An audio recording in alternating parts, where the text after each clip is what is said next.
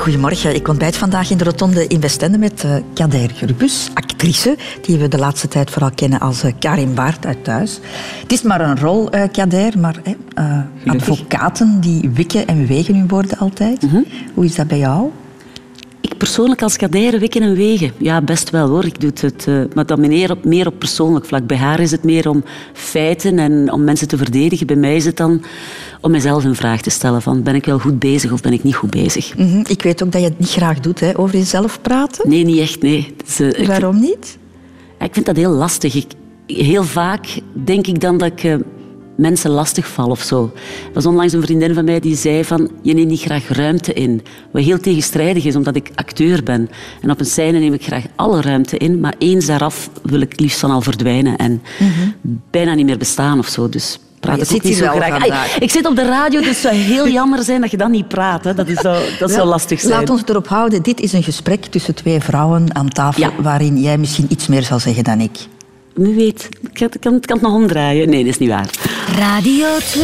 De Rotonde met Christel van Dijk. Mijn gast in de Rotonde in Westende is vandaag Kader Gurbus, actrice. Vandaag kennen we jou dus als Karin Baart, mm -hmm. advocaat in Thuis. Maar je speelt ook de SM-meesteres in, uh, in Chaussée d'Amour. Ik noem maar een paar van jouw laatste wapenfeiten op uh, Kader. Um, je bent eind 40 nu, dus kunnen we zeggen dat we ja, dat je ongeveer in de helft van jouw leven zit. Ja. Wat bij jou nog kan kloppen, want sterke familie, hè? sterke genen. Ja, best wel. Mijn grootmoeder is uh, vorig jaar overleden. Uh, het zal binnenkort een jaar zijn. Ze is toch 97 geworden. Mijn overgrootvader was 98 geworden. Ja, best wel. Allee, toch langs Vlaamse kant. In Turkije zijn ze net iets minder oud geworden, maar dat heeft dan ook met ja, het ander soort leven te maken natuurlijk. Je hebt ook ooit eens in een interview gezegd, ik geloof heel erg in het lot. Mm -hmm. Sommige dingen heb je niet in de hand. Ik denk dat dat te maken heeft met het feit, mijn naam bijvoorbeeld, Kader, dat is ook een woord in, in Turkije. Je hoort dat vaak eh, in liedjes ook. Kaderim, zingen ze dan. Toen ik klein was, dacht ik, papa, dat is mijn naam. En dat heeft te maken met een soort destiny, wil het letterlijk bijna zeggen. Het fate, het lot. Kader betekent ja, ja lot. Al, het, het woord, ja. Uh, vroeger dacht ik altijd dat het het noodlot was, maar blijkbaar is het meer het lot wat u... Ja, ik geloof daar wel sterk in. Wat niet wil zeggen dat ik gewoon stil ga zitten en wachten tot het, de dingen op mij afkomen. Dus ik, ik ga het leven wel aan. Maar ik denk soms dat je er niet aan ontkomt, aan de dingen. En kan je de dingen gemakkelijk op jou laten afkomen? Hoe bedoel je dan? Zo van, we zullen wel zien? Pas op, ik kan ook wel best zenuwachtig zijn voor dingen. Bijvoorbeeld, ik moest naar hier komen, hè, naar de rotonde in Westende, nietwaar? En uh, dan denk ik, oh mijn god, ik ga toch wel iets kunnen vertellen. Hè. Ik, ik weet wel dat ik kan babbelen en zo, maar uh, gaat dat interessant zijn, gaat dat boeiend zijn? Ik ben mijn eigen de hele tijd in vraag aan het stellen. Maar dan op een gegeven moment ben ik er en denk ik, oké, okay, ik zie wel en dan laat ik het los. En doe je dat ook met de beslissing in jouw leven dat je echt zo de voor- en tegens afweegt? Ja, maar uiteindelijk spring ik wel altijd. Ik kan ook heel impulsief dingen doen. Zo vind ik ook wel heel tof. Want ik denk, als je te veel nadenkt, dan, dan doe je om een duur ook niks meer. Dus, uh, maar ik denk wel met ouder te worden dat ik meer nadenk dan pakweg 25 jaar geleden. Je bent een bekend persoon, Kader, dus jij hebt ook een Wikipedia-pagina, uiteraard. Het, ja, ja. En daarop staat onder meer dit te lezen. Kader Gurbus, Gent, 29 juli 1969, is een Vlaamse actrice en presentatrice van Turkse afkomst. Ze studeerde aan het conservatorium in Gent. Daarna begon ze bij VT4 als omroepster. Haar bekendste rol is die van dokter in Flikken. En bij de jeugd is ze vooral bekend als Birgit uit Wachten 7. Maar je bent niet altijd bekend geweest, Kader.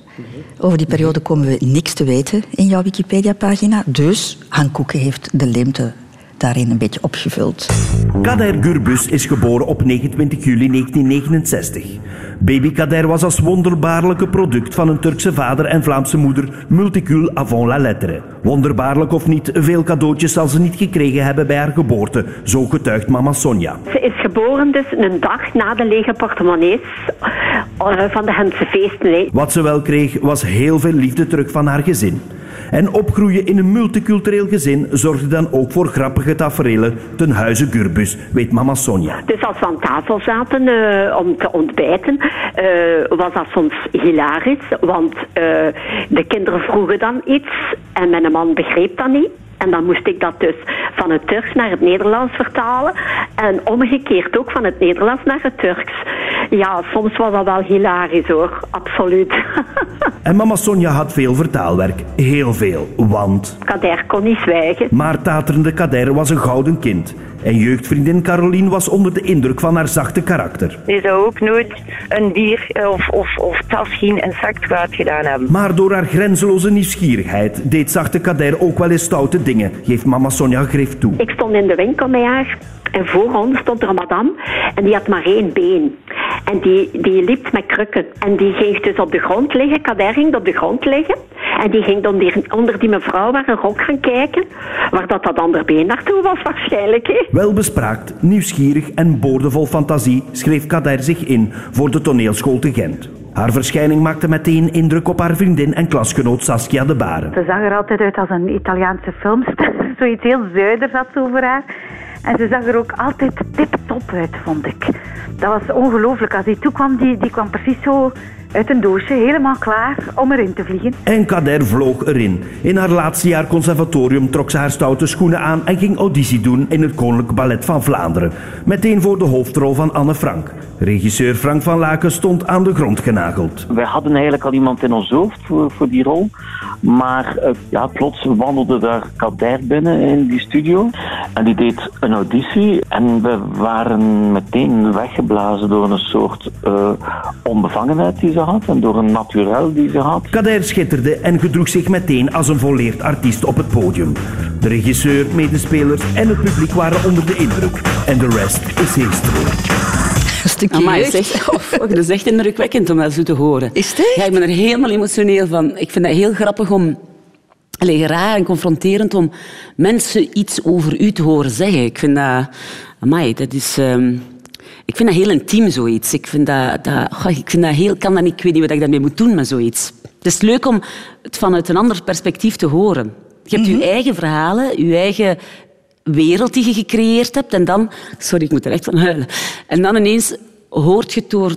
door allee, dankzij de stem van iemand anders en door de ogen van iemand anders. Ook wel was maar klein en grappig. Ik vind dat heel confronterend. Ja, best wel. Maar het programma is nog maar begonnen. Ik ben al aan het blijten. Ik ben echt die karendame, hoor. Echt niet. Oh ja, ik vind het heel mooi. Ja, maar en waar raakt jou dan het meeste?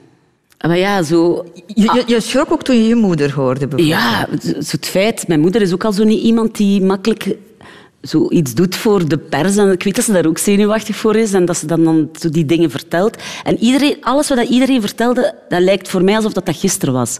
Zelfs met dat been, dat, dat onder die mevrouw waar een rok gaan kruipen was, van... Ja, je kon wel heel gênante dingen met mij meemaken. Gewoon omdat ik niet nadacht. Ik heb nooit een filter. Nu heb ik die iets meer, maar nog kan ik heel vaak dingen doen zonder na te denken en gewoon gaan. En mensen kunnen dan nog naar mij kijken, zo van...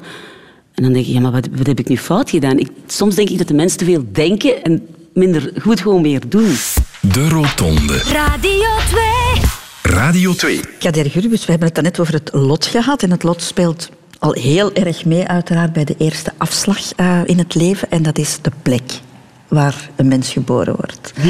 Je bent de oudste van drie kinderen, eh, twee broers, een tweeling, tweelingbroers, die zeven jaar jonger zijn. Dat is wel een heel verschil. Ja. Ja, natuurlijk. Mijn ouders waren al heel jong toen ik geboren ben.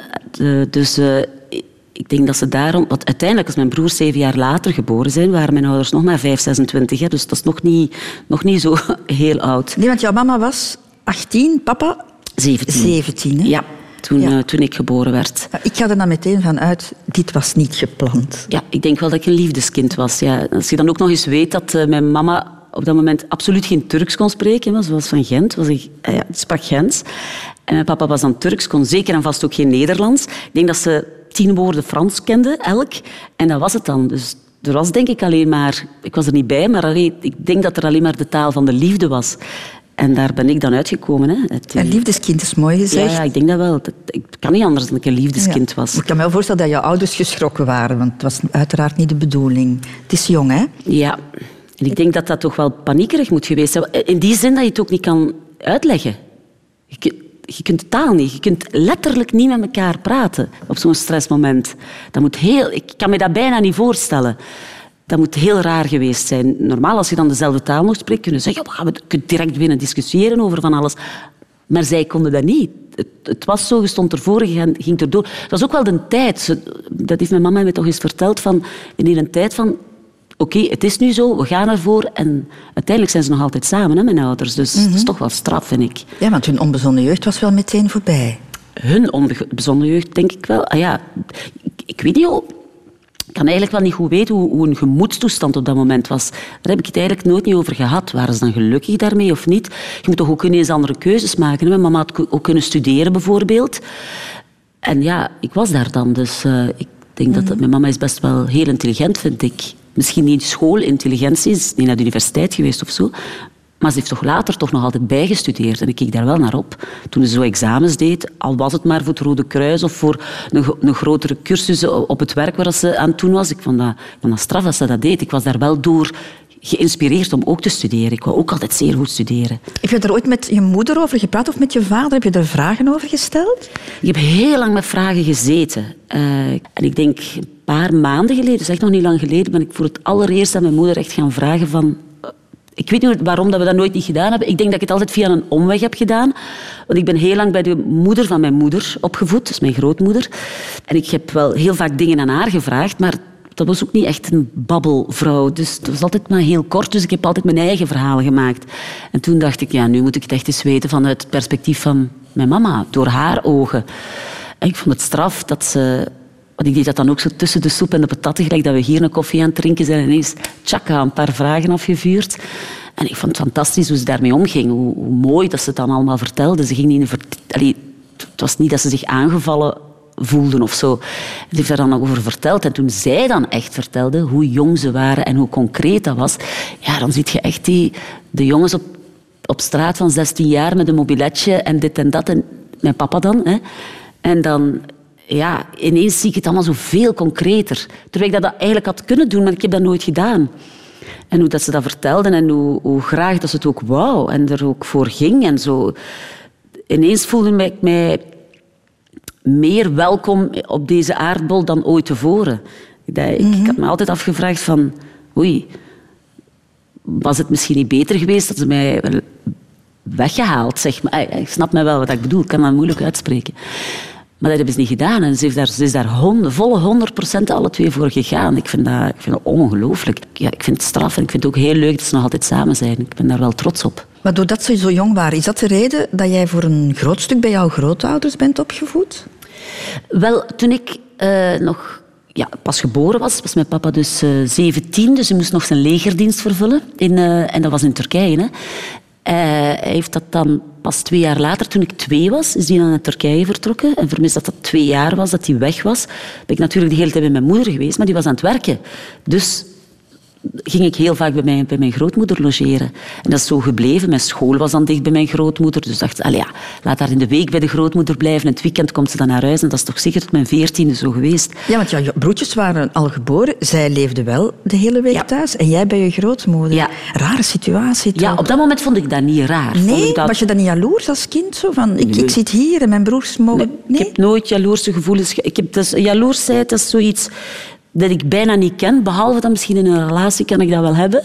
Maar zo naar mensen toe, mijn broers toe, jaloezie, dat, dat- ik heb dat niet. En ik zou het ook, ik zou het ook niet aankunnen. Ik zou het ook niet willen hebben. Ik had het goed hebben met mijn grootmoeder. Het was ook zo vanzelfsprekend. Er waren nog meisjes van mijn klas, op een meisjesschool, die ook bij de grootouders woonden. Dus het was niet echt zoiets abnormaal. Het is pas toen ik in de puberteit kwam dat ik het eh, wel begon te voelen. Van, iedereen gaat naar huis en ik, ik zit bij mijn grootouders. Dat, is dat niet raar? Ik begon mij dan ineens daar vragen over te stellen. Niet, niet in de zin omdat ik het slecht vond, het was niet slecht. Integendeel, het was geweldig. Mijn, ik had geweldige grootouders. Maar eh, ja, ik wou dan toch op een gegeven moment wel de, de gewone routine, zoals alle meisjes van mijn klas, van naar huis te gaan. En dan heb ik dat ook gedaan. En hoe was de band met jouw broers dan op dit ogenblik? Want Ja, die waren veel... Ik had die natuurlijk wel... Het is niet dat ik mijn broers nooit Nee, gezien nee, had. Hè. Dus eh, in het weekend was ik altijd thuis, maar die speelden ook wel veel buiten. Een leeftijdsverschil van zeven jaar. Mhm. Als je twaalf bent en zij zijn vijf, dat is echt wel niet wat je wilt, zo twee pagallers achter je gat. Nee, dat vond ik niet tof. Ik, had- ik vond het meer een last. Ik was ook de ideale babysit uiteraard, altijd. En ik vond dat toch niet zo tof om die verantwoordelijkheid te dragen. In de kleuterklas heb jij op internaat gezeten. Ja. Ik, mijn broers ook. Zoveel jaar later. Kleuterschool al. Ja, dat, was ook een praktische overweging. Wat ik, ik zei wel dat ik toen nog bij mijn, heel vaak bij mijn grootmoeder was in die periode. Maar mijn grootmoeder was toen ook nog jong. Hè. Die was ook nog aan het werken. En mijn mama was ook fulltime aan het werken. En die werkte denk ik zelfs in ploegen. Mijn moeder. En mijn grootmoeder ook. En mijn grootvader ook. Dus, en mijn, mijn, mijn vader was in Turkije. Dus ja, dan eh, was het de, de enige oplossing dat ik eh, op internaat ging in de week. De praktische oplossing. Dus, uh, En wat herinner jij dat, daar nog van? ik vond dat de hel. Ik vond dat niet leuk. Ik, echt niet. Ehm, ik herinner mij dat mijn grootmoeder mij heel vaak bracht. En eh, de bushalte was dan aan een, aan een speelgoedwinkel, Steendam. En ik denk dat ze voor, om, mij, om het mij makkelijker te maken en ook voor, om het haar zelf makkelijker te maken, eh, mij altijd een, iets van speelgoed kocht. Iets klein of een lolly of, of dat soort dingen. Ik vond het niet leuk om daar binnen... Ik weet daar bijna nog letterlijk alles van. Ik moet dan rekenen dat ik vier was of zo. Hè. Ik heb nog veel herinneringen van daarvoor ook. Drie, vier jaar was ik. Ik heb daar gezeten. Nee, ik denk dat ik vier tot mijn zes heb ik daar gezeten. En eh, het had niet zozeer te maken met het feit dat de kinderen daar niet leuk waren, of, of, of de, de leraar of de lerares, het waren alleen maar vrouwen toen. Dat was het niet, maar het is zo gewoon het bevreemdende. Ik voelde mij daar eenzaam, ik voelde mij daar alleen en ik kon ook niet slapen. Ik kon niet in slaap geraken. Er waren twee slaapzalen, meisjesslaapzaal, jongensslaapzaal. Er had een bedje, stoeltje, bedje, stoeltje, bedje, stoeltje en daar lag dan iedereen. En er was iemand die eh, de wacht hield, hè, de, ja, als er iets zou gebeuren. En ik was altijd alle kinderen aan het observeren. Van, hoe komt dat nu toch dat zij kunnen slapen? Ik kan niet slapen. Ik, dan probeerde ik de houdingen aan te nemen van hoe de andere kindjes sliepen, in de hoop dat ik dan ook in slaap zou vallen. En ik, eh, ja, ik, ik was dan altijd aan het huilen. Dan mocht ik bij de juffrouw op schoot gaan zitten en werd ik dan getroost. Ik vond dat niet, niet leuk. Ik had ook heel vaak nachtmerries. En ik ken die nachtmerries, tot op vandaag ken ik ze waar het zich afspeelde, wie dat erin kwam en zo. Ik herinner me zo'n nachtmerrie die, die altijd terugkwam. En dat was eh, in het... Mijn overgrootouders leefden toen ook nog. En eh, die woonden in Wondelgem op zo'n soort van boerder, boerderij. Zo, ja. Een oud huis waar maar één lampje brandde en er was bijna geen elektriciteit. En ik sliep op de grond. Naast mij op de grond, in de kamer waar ook zo'n Mechelse stoof stond, waar het heel donker was, sliep op de grond. Mijn moeder sliep daarnaast, daarnaast sliep mijn grootmoeder en daarnaast mijn overgrootmoeder. En elke keer als ik zo in die droom half wakker werd, want we sliepen op die grond, was er iemand die zich rechtstelde en wegging. Dus eerst ging mijn overgrootmoeder weg en dan ging mijn grootmoeder weg. En dan ging mijn moeder weg. En ik zei nee mama, je moet blijven, je moet blijven. En trok ik dan die terug. En elke keer als ik terug in slaap viel, was er iemand weg. Dus de slaap zorgde ervoor... Dus daarom wou wou ik waarschijnlijk ook niet slapen. Eh, was er altijd iemand weg en was ik helemaal alleen in dat huis. En ik kon niet weg uit dat huis, want achter de deur, de uitgang, kind zijnde, hè, zat er een grote heks die haar vingers tot onder de deur geraakte en mij kietelde om toch dat ik de deur maar zou opendoen zodat ze zou binnen kunnen. Dus dat was zo beangst en die droom kwam altijd maar terug. Als, als ouder is dat misschien niet, misschien niet zo'n enge droom, maar als je vier jaar zit, is het een heel, heel enge droom. En het licht ging ook altijd uit. Daarom, tot op vandaag de dag, kan ik er niet tegen dat ruimtes niet goed verlicht zijn. Het mag wel een romantisch gedimd licht zijn, maar als het te gedimd is, dan word ik daar misselijk van. Als ik op restaurant ga en het is net, iets- net iets te donker, dan slaag ik er niet in om te eten. Dus ik hou er niet van. In mijn dromen gaat altijd zo het licht uit. Je steekt, je steekt het licht aan, maar het gaat ook direct terug uit. Ik heb daar geen controle over. Dus ik hou wel van het licht. Dus die periode heeft toch wel een impact gehad op jouw Ja. latere leven, toch ook? Ja. Tegelijkertijd waren dan daar ook wel dingen die ik heel graag deed. Ze waren heel, heel creatief op die school. We mochten heel veel knutselen. Dat heeft mij dan misschien ook wel geholpen. Maar ik vond het vooral heel eenzaam. Ik kon heel vaak observeren van hier hoor ik niet bij. Bij deze mensen hoor ik niet. Kom mij halen. Ik had zo zelfs het gevoel dat ik niet... Ik heb dat toen niet zo kunnen verwoorden. Van, bij wijze van spreken dat ik niet op deze planeet hoor. Dat bedoel ik. Toen kon ik dat nog niet zeggen. Maar ik voelde mij niet één met al, al de rest. Het was zo... Ik raakte daar wel door, maar ik vond het niet fijn. En die verlatingsangst, want zo kan je het toch wel noemen. Hè? Als je droomt dat iedereen jou verlaat, heb je dat meegenomen in, in je latere leven? Ik denk dat wel. Ik, laten we zeggen, de eerste twee, 25 jaar van mijn leven heb ik dat niet... Het is pas door ouder te worden dat je zo de optelsom maakt van je verleden. Of dat je patronen herkent. Zo. Ik denk van, tja, ik heb dat toch al een paar keer gedaan. Ook het feit dat ik... Ik heb nu geen relatie, ik heb wel relaties gehad. Maar ik ben ook altijd weggelopen daarvan. En ik vond het, als ik het nu bekijk, niet op dat moment, vond ik het gelijk altijd veiliger om zelf weg te gaan. Want ik zou niet gewild hebben dat iemand van mij wegging. Omdat ik dat niet aan kan. Ik vind dat moeilijk. Ehm, ja, ik vind dat eng. In mijn dromen gingen ze altijd weg. En ik vond dat niet tof. Ik vind dat nog altijd niet tof. Dus ik heb angst dat iemand weggaat van mij. Persoonlijk weggaat of door de dood, door, door te sterven. Dat kan ook. Hè. Ik, vind, ik heb daar altijd moeite mee gehad. Ik denk dat je als kind in die tijd, in de jaren zeventig, daar ook zo niet echt mee begeleid werd of zo. Het feit bijvoorbeeld dat mijn hond gestorven is toen ik acht was, dat was voor mij bijna het ergste wat ik ooit had meegemaakt. Je moet het in perspectief plaatsen in die tijd. Ook weer iets dat weg was. En niemand begeleidt u daar zo ook in, omdat dat nog die een tijd was, nieuw was of zo. Oh, ik vind het eng dat iets weggaat uit mijn leven. Het rare was wel dat alleen vrouwen weggingen. In jouw Ja. dromen kwamen geen mannen voor. Nee, dat, dat waarschijnlijk dan te maken dat mijn papa er niet was. Mijn grootvader heb ik wel gekend, maar die werkte s'nachts en sliep overdag. Dus ik, heb die niet, ik herinner mij daar nog wel veel dingen van. Maar mijn wereld werd toch wel... Nu lijkt dat gedomineerd, maar het is, het is niet het juiste woord. Waren er vooral vrouwen. Ik zat, op, ik zat in een meisjeszaal, ik zat in de jeugdbeweging met de meisjes. Ehm, en ja, mijn grootmoeder was daar, mijn moeder was daar. En ja, het is gelijk dat de, het leven geleid werd door vrouwen. De, en de mannen, dat, was een, dat waren randfiguren of zo. Bijrollen, bijfiguren. Toen, hè, bedoel ik. Ja. Radio Radio Over de afslagen van het leven. De Rotonde. Je gaat naar het katholieke onderwijs in je lagere en middelbare school Kader Goerbus. Wie heeft die beslissing genomen? Het lot. Echt waar. Ehm, mijn mama heeft beslist waar ik naar school zou gaan. Maar de eerste drie dagen van het allereerste leerjaar, toen was ik zes, was in een, vrije basisschool. Ik weet niet hoe dat, dat toen diende. Een vrije school, hè? geen katholieke school. En ik kwam elke dag huilend thuis. Want het was daar donker. Dat was, ik vond mijn weg daar niet. Er waren heel veel spinnenwebben. Ik liep daar verloren en ik kwam elke dag huilend thuis.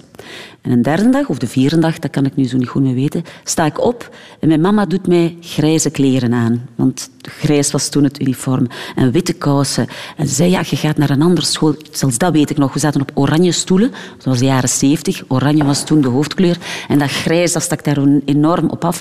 En dat was toen al een belevenis. Oh, ga naar een andere school. Ik had een andere boekentas. Ik had eh, de weg naar daar. En mijn moeder is meegegaan naar die school, binnen. Want zij was daar zelf ook naar school geweest. En ze wou mij daar niet naartoe sturen, omdat ja, ze dacht misschien gaan ze het daar niet tof vinden dat, dat de dochter van mij daar dan ook komt, of weet ik veel. Ze komt mee bij mij in de klas. Ik kom in dat klaslokaal binnen. Daar was licht, heel veel licht. Ik mocht aan het raam zitten. We kregen al zo dingen om mee te studeren. Mijn mama was aan het praten met de lerares en de directrice, die toen een zuster was.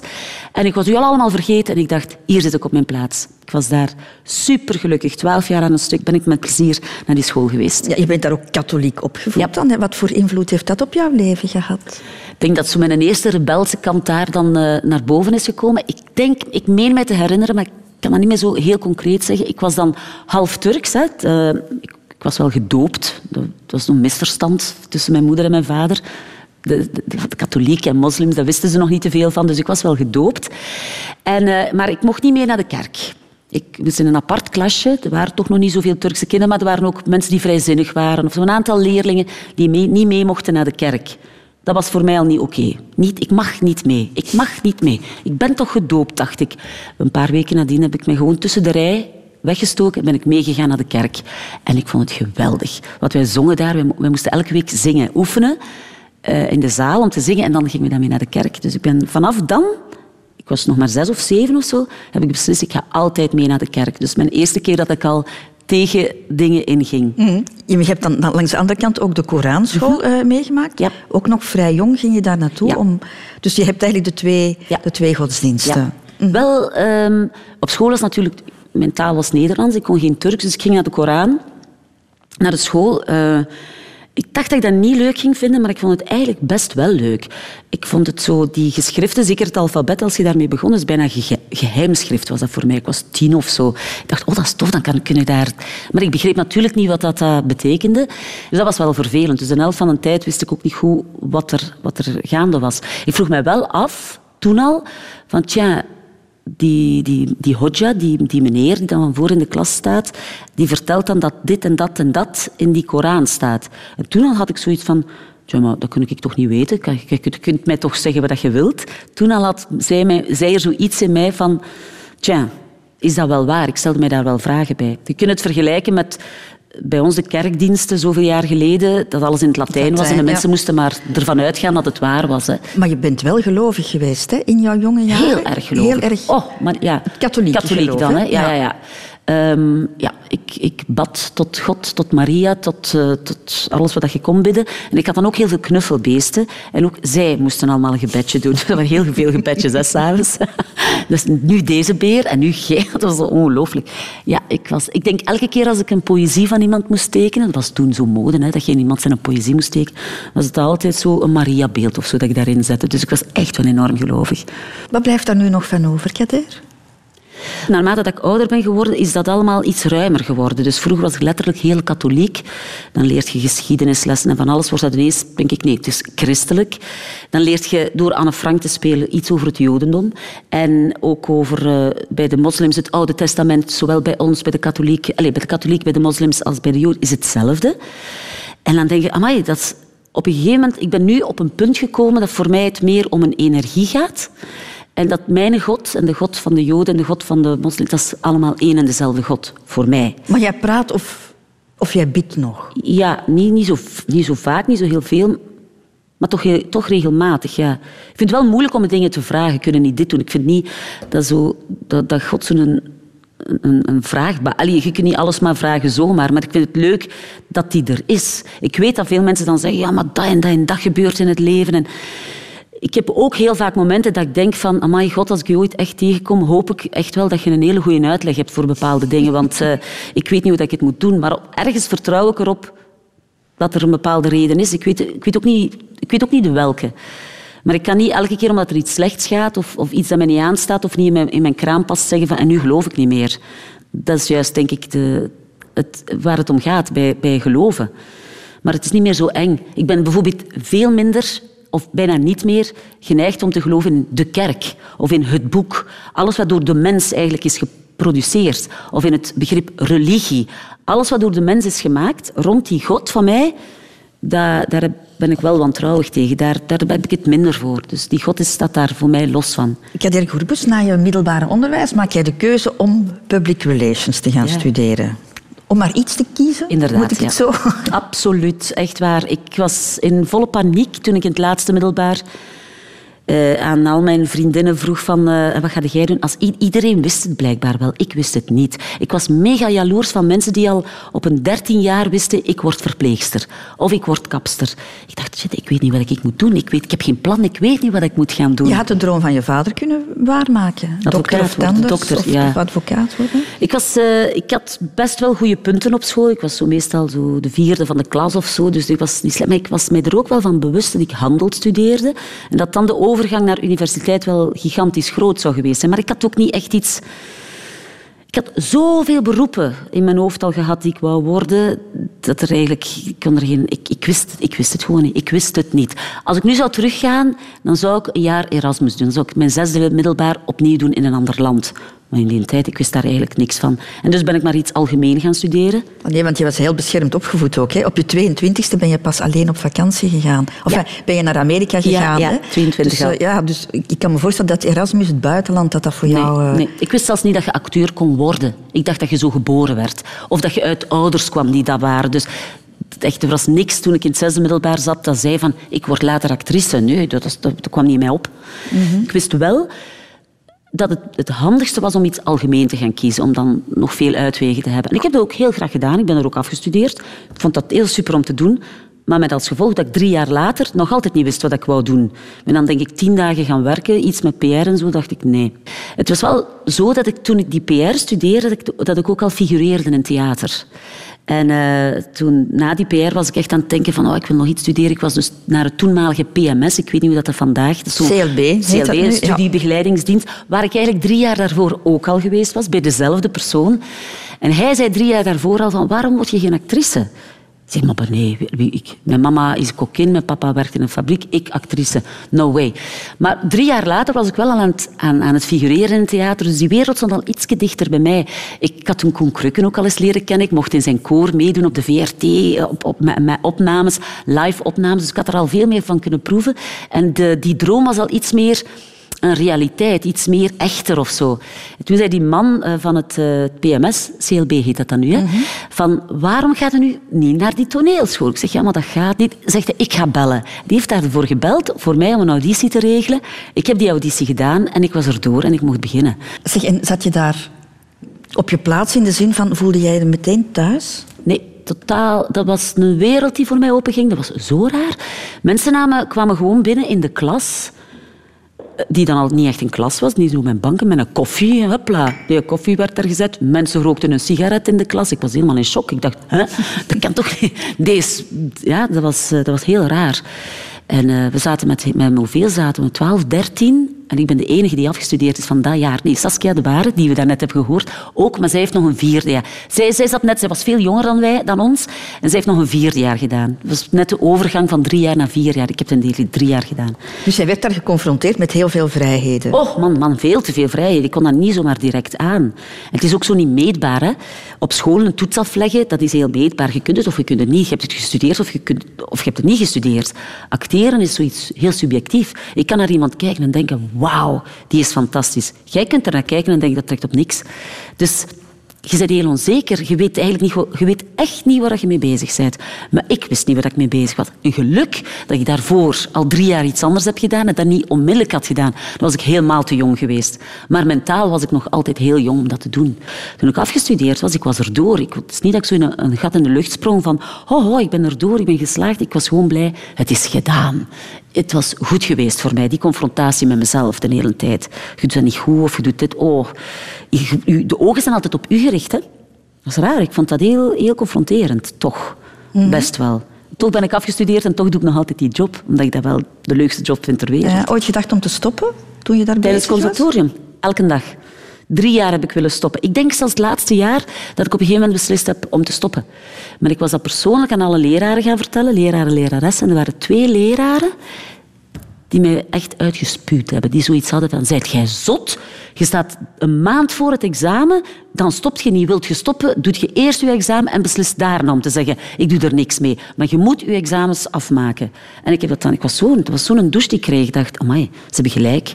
Het is pas daarna dat ik het gevoel had van dit is het, toneel spelen. Dat is het, het is niet werken, het is spelen. Maar dat spelplezier, gelijk cowboytje en indiaantje spelen van vroeger, dat moet het eigenlijk zijn. Je moet het serieus pakken, je moet je job, je moet je teksten leren, uiteraard. Maar je mag het ook niet oh serieus pakken. Het moet leuk blijven. Het is spelen. En dat heb ik pas later terug ontdekt. Niet op school. Mm Op school was het werken en afzien en daarna was het spelen. Radio 2.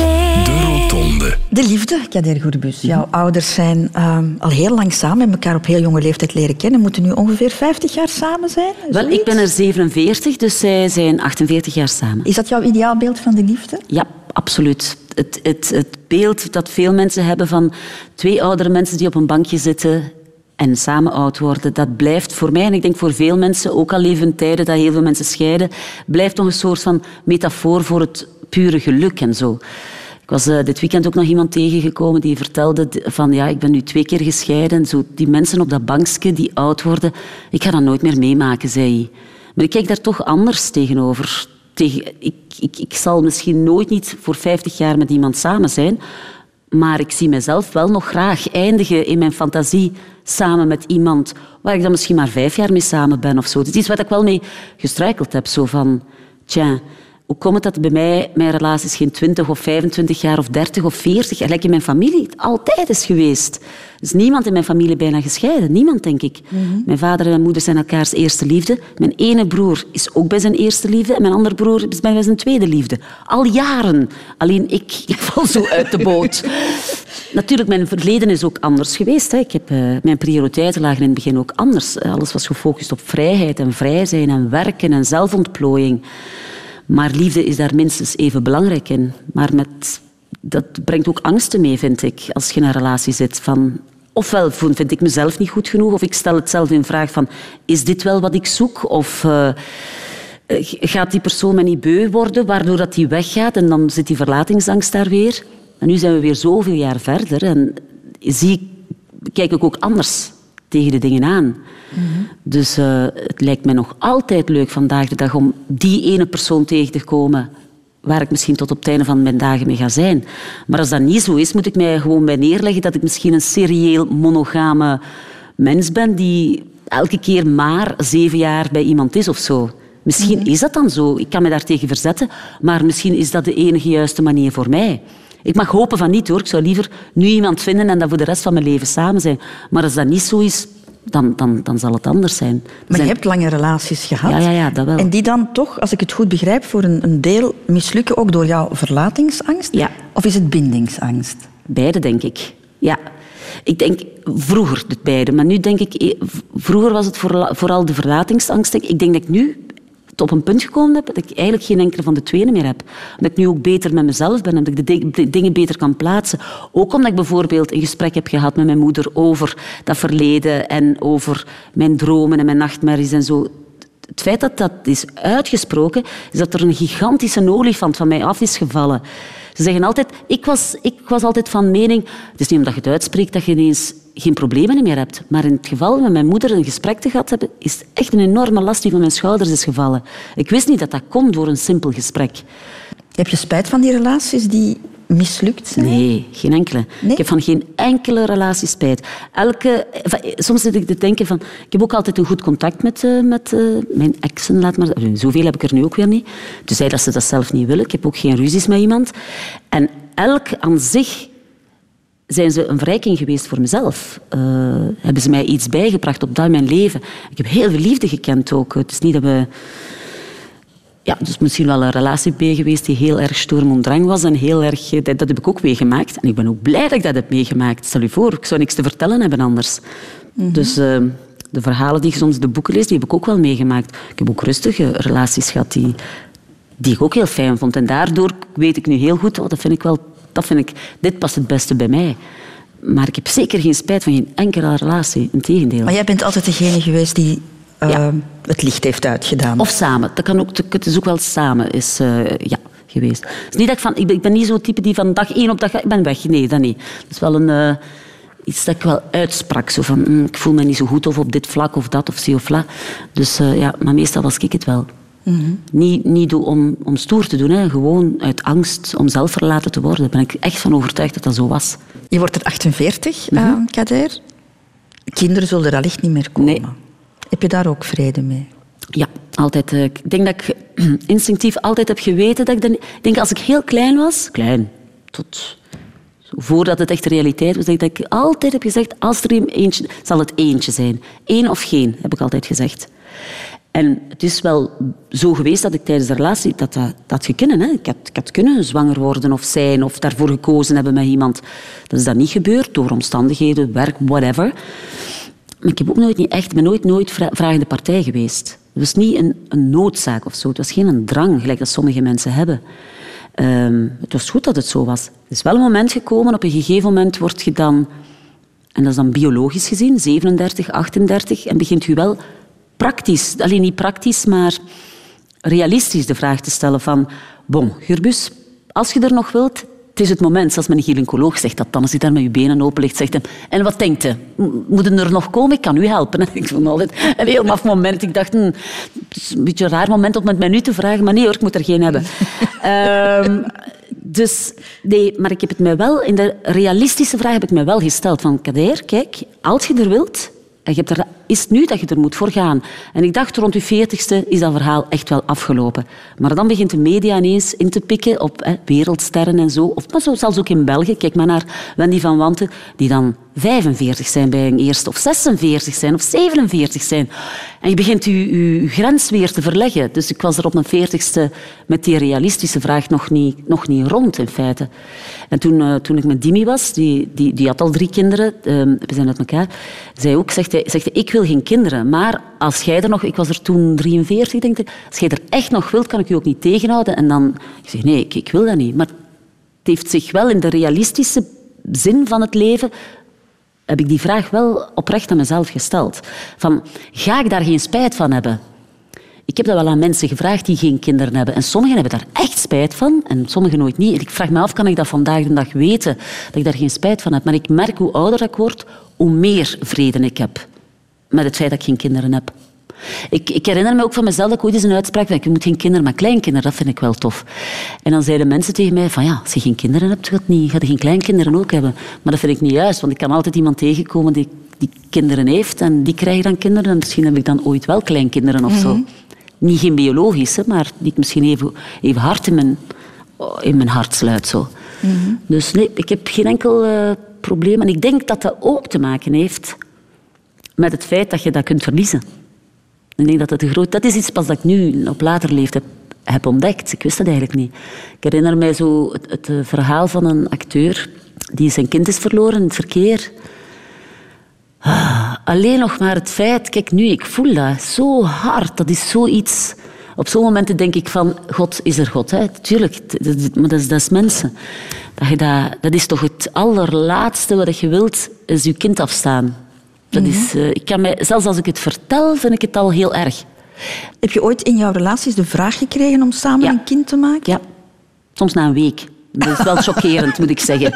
Dan denk ik, ik ben zo, als je dan koffie aan het drinken bent, moet, moet je wel even verslikken. Dan denk ik, ja, ja, ik heb die vraag wel gehad, ja. Maar ik, eh, ik denk dat ik zo, toen op dat moment meer zoiets had... Ja, we zien wel, hè, we zijn nog jong. Hè. Het was altijd iets voor later. En nu zijn we later en eh, voor mij is het goed zo. Was de rol van stiefmama, om het zo lelijk te zeggen, was die wel op jouw lijf geschreven? Ehm, dat was niet zo gemakkelijk. Eh, In die zin niet gemakkelijk, omdat je toch... eh, Je leert pas iemand kennen en dan heb je er nog drie kinderen tegelijkertijd bij. Dat is wel een eh, grote vrachtwagen die op, die, op u afkomt. Het was vooral fijn in die zin dat het hele leuke kinderen waren. Ze waren, het waren, al in de pubert, waren al groot, enfin, groot. Tussen de 11 en de 17 jaar. Hele fijne kinderen, heel erg begaan met van alles en nog. Lieve. Dus, dus daar, was, daar had ik geen enkel probleem mee. Ze hadden mij ook graag, dat was geen probleem. Maar het feit dat je daar verantwoordelijkheid toch ook voor had en dat je je vragen... Ik wou daar... We hadden soms een gesprek met de echte mama. Van, hè, er moeten regels zijn in het huis. En ik moest, me, ik moest ook regels opleggen. Oh my god, ik zei tegen haar, zijn ex-vrouw, dus, ik kan dat niet. Ik kan dat niet. Ik kan niet, kan niet streng zijn. Ik zou een sloef van een moeder zijn. Ik denk dat mijn kinderen alles zou toelaten. Dus dat zou niet goed komen. Ik kan het niet. Ik ben meer een persoon van te praten. Ik kan niet roepen en tieren. Mijn ex zegt ook altijd, jij maakt nooit, nooit, geen- nooit geen ruzie of zo. Dus nee, ik ben meer van het woord. Ik ga ervan uit, als ik iets zeg, dan zal dat wel gebeuren. Maar zo zit het natuurlijk niet altijd in elkaar. Dat is wel een confrontatie. Maar het jammere van een stiefmama is dan ook, als die relatie gedaan is, dat je die kinderen ook kwijt bent. Ja, ik, we, we hebben toch nog wel contact hoor. We sturen Ah, toch nog sms'jes en ik wens ze veel succes met van alles. Ik ben, ik ben daar toch nog altijd bezorgd over. Ik hoop dat ze goed terechtkomen, dat ze goed studeren, dat ze topjobs hebben en zo. Ja, ik wens ze toch wel superveel. Ja, dat zit toch wel in mijn hart eigenlijk. Dat gaat niet, dat gaat niet meer weg hè, bij mij. De Rotonde. Radio 2. Radio 2. Kater Gurbus, ik wil het even hebben over jouw keuze om te doen wat je nu doet. Theater, televisie, ondanks, ehm, ja, ik mag toch wel zeggen, jouw twijfels en ook wel hè, jouw onzekerheid. Het is nooit goed genoeg voor jou, of jij bent nooit genoeg voor jezelf. Klopt toch, hè? Ja. Maar ik heb daar eigenlijk wel iets op gevonden. In die zin dat ik mezelf heel erg bekijk door de ogen van een ander.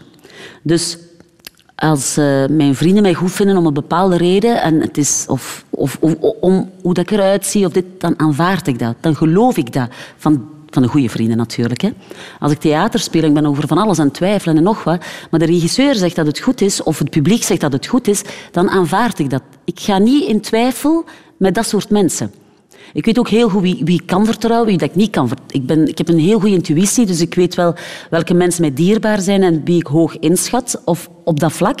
Dus ik, vraag ook, ik stel ook die vragen wel aan de juiste mensen. En als zij mij zeggen het is oké, dan heb ik daar vrede mee. Ook al zou ik zeggen van hm, het kan beter of dit of dat. Ik zal dat ook wel doen, een hele lange tijd, om, om mijzelf ook te pushen en te drijven. Ik ben nog altijd niet klaar hè, met dit vak. Ik wil altijd maar blijven groeien. Ik wil altijd maar beter worden. Als ik dat niet meer kan doen, dan is het gewoon afgelopen. Maar ik vind het straf dat jij toch daarvoor gekozen hebt, ondanks die onzekerheid die toch een hele grote rol speelt in jouw leven. Dat je dat gedurfd hebt. Ja, maar ik denk dat dat er toch wel al lang in zat, hoor. Als kind, ik, was, ik, ik zocht wel de aandacht op. Op dat vlak dan, hè. Zo van...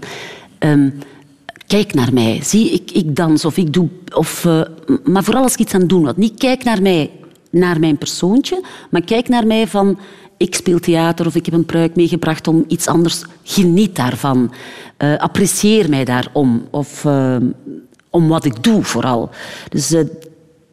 dat, dat, dat valt eigenlijk best wel mee. Ik denk dat ik minder onzeker ben op een podium dan wel in het dagdagelijkse leven. Ik ben veel onzekerder als ik een café binnenstap of een restaurant binnenstap. Of ik loop hier, zeker nu dat je bekend bent, je loopt op strand. Dat, dat maakt me veel onzekerder. Sociale media kunnen daar ook nog bij, want daar, daar zit ook op van alles op. Ik, ik denk dat ik op een theater, als ik er sta en ik ben klaar voor de première, dan ben ik echt zeker van mezelf. Dan wel, ja. Ik blijf ook groeien. Hè. Ik blijf me, terwijl ik aan het spelen ben, nog altijd in vraag stellen. Hè. Tot de allerlaatste dag. Maar ik ben wel zeker. En durf jij jezelf ook te verkopen? Ben je daar goed in? Nee, daar ben ik niet goed in. Maar ik durf het wel meer dan vroeger. Bellen van... eh, Ehm, ik ga niet...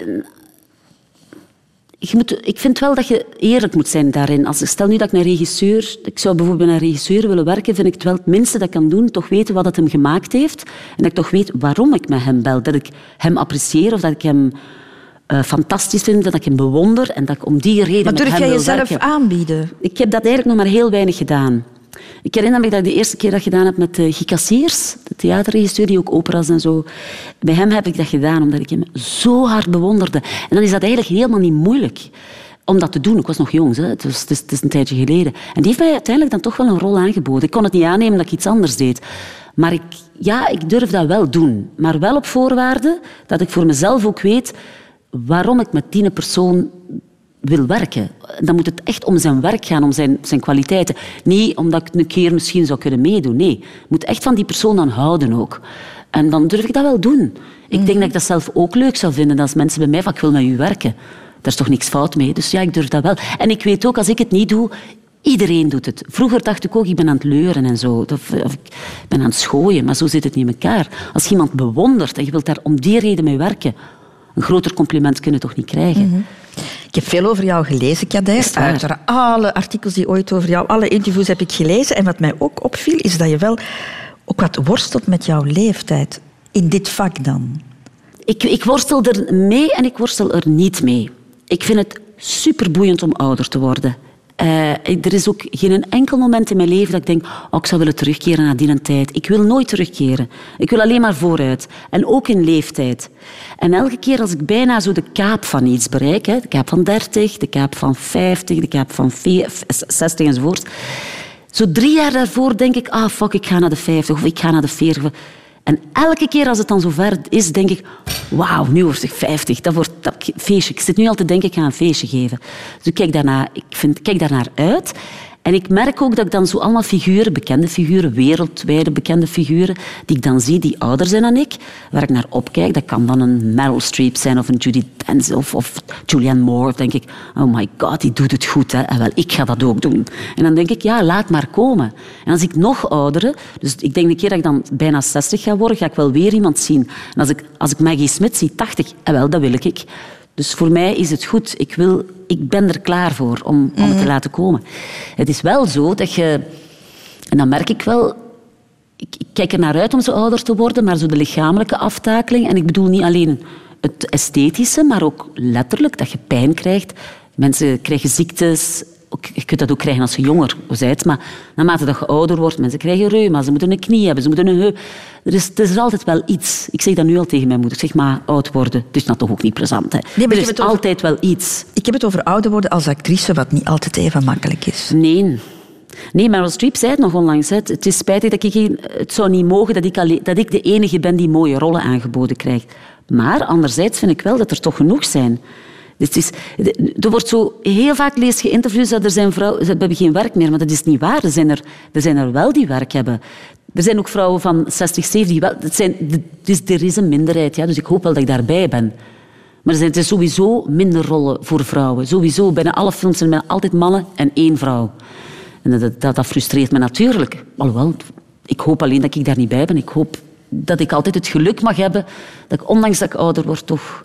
Ik hoop daar gewoon op. Tuurlijk heb ik daar angst van. Ik heb altijd angst gehad. Ja, Ga ik wel dan- werk hebben? Dan speelt de financiële onzekerheid ook mee. Ja, ja, ja. Dat, is, dat vind ik niet leuk, hoor. Financieel. Maar die heb ik ook gehad op jongere leeftijd. Hè.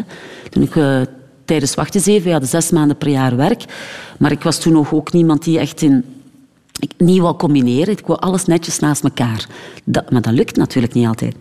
Ik deed toen ook nog geen reclamespot. Dus in die jaren dat ik wachtgezeven deed, had ik echt heel weinig inkomen. Dat soms waren er zo momenten dat, dat mensen zeiden, gaan een koffie drinken, dat ik gewoon geen koffie... Dat ik dacht, een koffie, is twee euro. Hm, Twee euro is toch veel geld? toen. Dus eh, ik, weet dat ik dat niet leuk vond. Financiële onzekerheid, dat maakt mij als mens ook onzeker. Ik heb dat niet veel meegemaakt. Als je ervoor staat en je maakt dat mee, is dat echt wel het einde van de wereld. Want je denkt, ik ga dat nooit kunnen overbruggen. En dan komt er weer werk. Dus als ik terugkijk, denk ik... Ik heb echt een geweldige carrière al achter de rug. Ik Maar in mag- 2009 bijvoorbeeld, heb ik gelezen, heb Ja. je het even heel moeilijk gehad. Ja. Hè? Toen ehm, is er een stuk weggevallen eh, met mijn eigen gezelschap. We hebben het eh, niet gebracht, omdat de agendas niet verenigbaar waren. Terwijl ik me wel vrij had gehouden. Dus dat is bijna tien maanden werk. Eh, de tweede reeks van Yes is dan toen ook niet doorgegaan. Dus, dus even zo... Je vult dat als acteur niet zomaar direct op. Je kunt niet ineens een, een grote rol krijgen en of het zou iemand moeten ziek worden, maar dat gebeurt ook al niet zo vaak. Dus ik zag er wel En je tegenop. moet aan je hypotheek afbetalen Ja, en dat soort dingen. Alles moet doorgaan. Ja. Het is nooit zo ver gekomen. Integendeel, het is verre van zo geweest. Maar ik zag wel een heel groot gat voor mij van... Oh my god, gaat er iets komen? Gaat er iets komen? En er is ook iets gekomen. Op dat moment zelf dacht ik... Oké, niet panikeren. Als het zo is, dan verkoop ik mijn huis of blablabla. Ik heb daar wel aan, aan. Het is nooit zo ver gekomen. Maar ik heb dat wel als een optie Ehm, het is niet dat ik naar het OCMW moest, hè. nog niet. Maar ik, heb er wel, ik zag het wel zo, ik zag wel zo'n scenario of zo. Dus ik heb daar wel angst voor gehad. Maar als ik terugkijk, denk ik, Kader, doe er niet zo moeilijk over. Zo lang heeft dat allemaal niet geduurd. Wat is acht maanden op een heel carrière? Niet zoveel. Maar als je ervoor staat en je weet niet op voorhand dat het acht maanden gaat zijn, want dat kon ook tien maanden zijn, een jaar. Of ik heb ook gedacht, oké, het is afgelopen. Het is finished, ze moeten me niet meer. Je bent te oud, te dik, te lelijk of whatever. En dan ineens komt er weer een bom aan werk op mij af. En dan denk ik, allee ja, ik ben weer bezig. De Rotonde. Radio 2. De allerlaatste afslag, Oei. Kader Gurbus, dat is de dood. Hè. Met de goede genen van eh, jouw familie kan je die misschien nog lang eh, voor je uitschuiven. Maar het is een afslag die je zal moeten nemen, uiteraard. Schuif je de gedachte daaraan ook ver voor jou uit? Eh, in welke zin dat, het, dat ik er Dat het niks... nog lang zal duren en dat je er eigenlijk niet aan wil denken. Nee, ik vind ehm, hoe dat ik tegen de dood... Er zijn twee dingen. Je hebt de dood voor jezelf, ik die verdwijn. En je hebt de dood van de ander, het verlies. Dat zijn twee voor mij totaal verschillende dingen. Echt verschillend. Voor mezelf, de dood, dat is zo... de- echt de enige zekerheid die ik echt wel heb in het leven. Ik ben geboren, ik ben gecreëerd en je weet vanaf dat moment, we gaan. En ik probeer op die manier ook te leven. Ik probeer er alles uit te halen dat er is. Niet dat ik zo op de rand van, ik weet niet wat, leef of zo. Maar ik ga er niet vanuit dat ik 50 jaar nog ga leven. Ik kan ook morgen sterven. En dan is het ook goed. Voor mij persoonlijk. Hè? Boezemt jou geen angst Nee, in? totaal voor mezelf niet. Ik weet dat het onbekende is. Mijn grootmoeder heeft heel hard vastgehouden tot haar laatste snik aan het leven. Pijn, geen pijn. Ik heb dat... Ik spreek voor vandaag, hè. ik weet niet, over twintig jaar. En ik heb ook geen kinderen of zo. Dat ik, je hoort wel mensen die kinderen hebben, denken daar dan anders over. Maar ik heb dat altijd gehad. Het dood, de dood, mijn dood, hoort bij het leven. En ik heb daar vrede mee. En als ik morgen ga, is goed. Ik ben, ik ben daar klaar. Ik heb er alles uit. Ik heb geen spijt van dingen. Uiteraard heb ik spijt van dingen, maar niet die ik niet gedaan heb. Het is goed. Als mij morgen zegt, je hebt nog een maand te leven, dan heeft iedereen zo'n bucketlist. Dat zou ik, nu- dat zou, dan denk ik, ja, ik zou niet speciaal iets doen. Alles wat ik wil, willen doen, heb ik wel gedaan. En wat hoop je dat er nog komt? Na de dood bedoelt je? Ik heb daar geen idee van. Ik denk, ik kan er wel over fantaseren, van als ik terugkom, dan wil ik dit zijn of dat zijn. Maar eigenlijk in het diepst van mijn hart denk ik dat er niks is. Dat het dan ook wel gedaan is. En voor mij is het ook goed. De eerste keer dat je afscheid moest nemen, was van jouw hond. En dat heeft Ja. zo'n ongelooflijke impact op jou Ja. gehad als kind. Onvoorstelbaar. Ja, het concept dood was mij compleet vreemd. Ik had daar gelijk nog nooit van gehoord. Toen ik, was acht, hè, toen mijn hond stierf. En ineens van een ene... Mijn hond was nogthans al ziek. Hebben ze mij ook nooit niet gezegd dat dat beest ziek was, want hij gaat misschien sterven. Hè. Vandaag de dag, kindjes worden daarin begeleid. Toen, ja, het was maar een hond. Hè. Maar voor mij was mijn hond alles. Ze was dubbel zo oud als ik. Ik deed daar alles mee. Ik kwam thuis, die een hond. Ik ging daarmee wandelen, ik speelde daarmee, ik maakte daar tentjes mee. Dat was, dat was mijn alles. Ik stond daar niet mee stil dat het mijn alles was. Dat was het gewoon zo. Maar je was eigenlijk ook alleen als kind natuurlijk. Als want je kind was leefde ik bij je alleen. grootmoeder. Je bent Ja. een beetje ja, als enig kind opgevoed. Ja, En dat was voilà. jouw Dat speelkameraad. was mijn speelkameraadje, Bessie. En, ja, ze heette Bessie, gelijk het boek. Het was wel geen Alassie. Het was meer zo'n eiken op vier tandenstokertjes, zo'n goed dik knolletje. Zot was ik van dat beest. En dan valt dat weg. En ik herinner me ook dat ook. Ik ben haar aan het aaien, ze leeft. We stappen naar de keuken omdat er een probleem is met de wasmachine. Ik met mijn grootmoeder. We komen terug, ze is dood. Ik herinner me dat dat ook de eerste keer is dat ik mijn grootmoeder vastgepakt heb en dat ik ben beginnen huilen tot en met. Het was een heel verwarrende periode. Ik heb daar ook geen afscheid kunnen van nemen. Ehm, ik, ik, kon daar niet, ik kon er niet mee leven. Ik, het was ook nog de verjaardag van mijn neefje die een dag, daarom weet ik de datum nog. En die kwamen zo happy binnen. Joehoe, we zijn, ik ben jarig. Ik had zoiets, ik kon, ik, kon, ik kon bijna niet meer ademen. Ik vond het verschrikkelijk. En ook het feit dat ik geen afscheid heb kunnen nemen, dat vond ik wel heel erg. En dat heeft jaren geduurd voordat ik daar, niet elke dag, hè, maar toch wel heel erg mee bezig geweest. En het feit dat ik dan zoveel tot God bad en zo van die dingen, deed ik echt niet anders dan elke dag ook een gebedje voor mijn hond opzeggen. En ook ehm, dat ik wou dat ik mijn hond nog eens zag, want ik had geen afscheid genomen. Dat, dat was er zo hard in gehakt. Ik moest en ik moest en ik zou afscheid nemen. Ik denk dat ik toch een jaar of vijf, of langer of korter, ik weet niet meer, maar lang, elke dag in gebed heb gezegd van ik wil Bessie nog eens zien, ik wil Bessie nog eens zien. Jaren aan een stuk.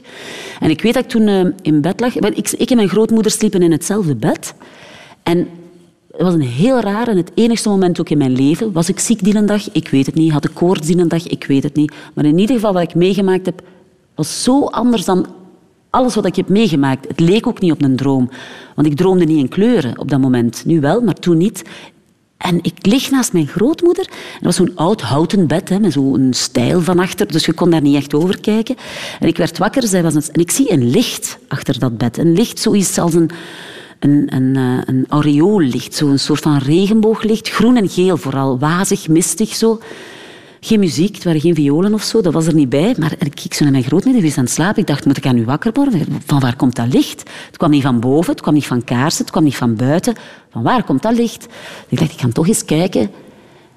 Ik stel mij recht, ik weet hoe dat uit, ik ga achter die, die, die, dat bedspan van achter zo. Ik en daar staat ze, in dat licht, met een hond, op vier pootjes, met een kop naar mij.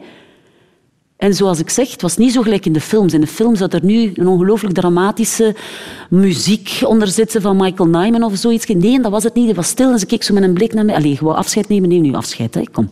En dat, was het eigenlijk. Ik ben daarbij geweest, ik heb die geaaid. Het was niet tranen of dit, dat was heel concreet. Ik letterlijk, ik zeg altijd, als je iets wenst tegenover God, zij dan heel concreet. Want het was zo, gewoon afscheid nemen, daar staat ze, neem afscheid en ze was weg.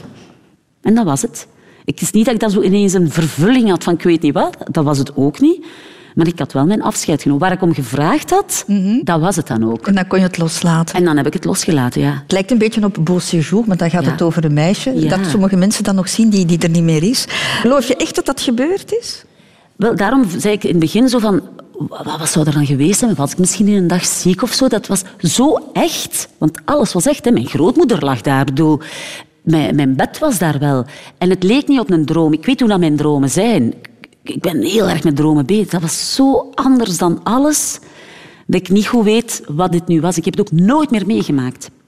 Ik heb die kleur, die verschijning van, van achter dat bed, dat groen en dat ding, wel nog eens bij personen gezien.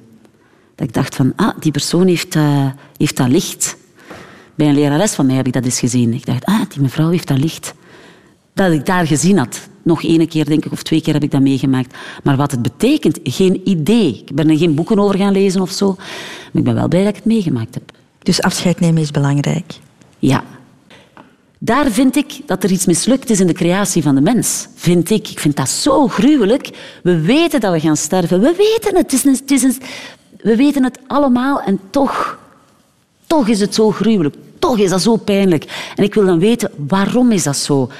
Waarom kunnen we niet gewoon zeggen, oké, okay, hij is gestorven, het was leuk, fijn, bedankt, ik heb dat gehad, oké, we gaan weer verder.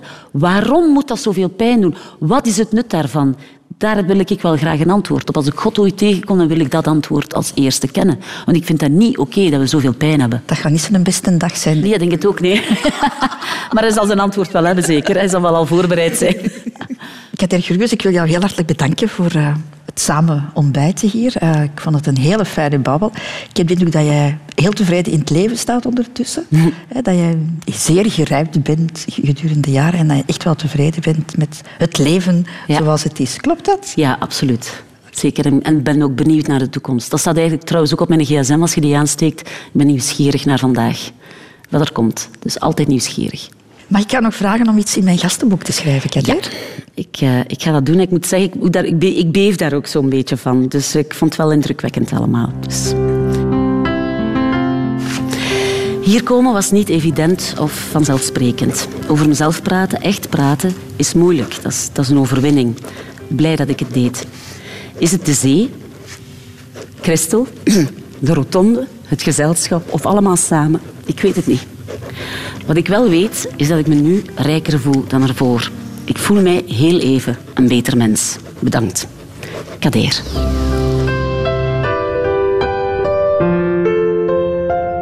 Radio 2.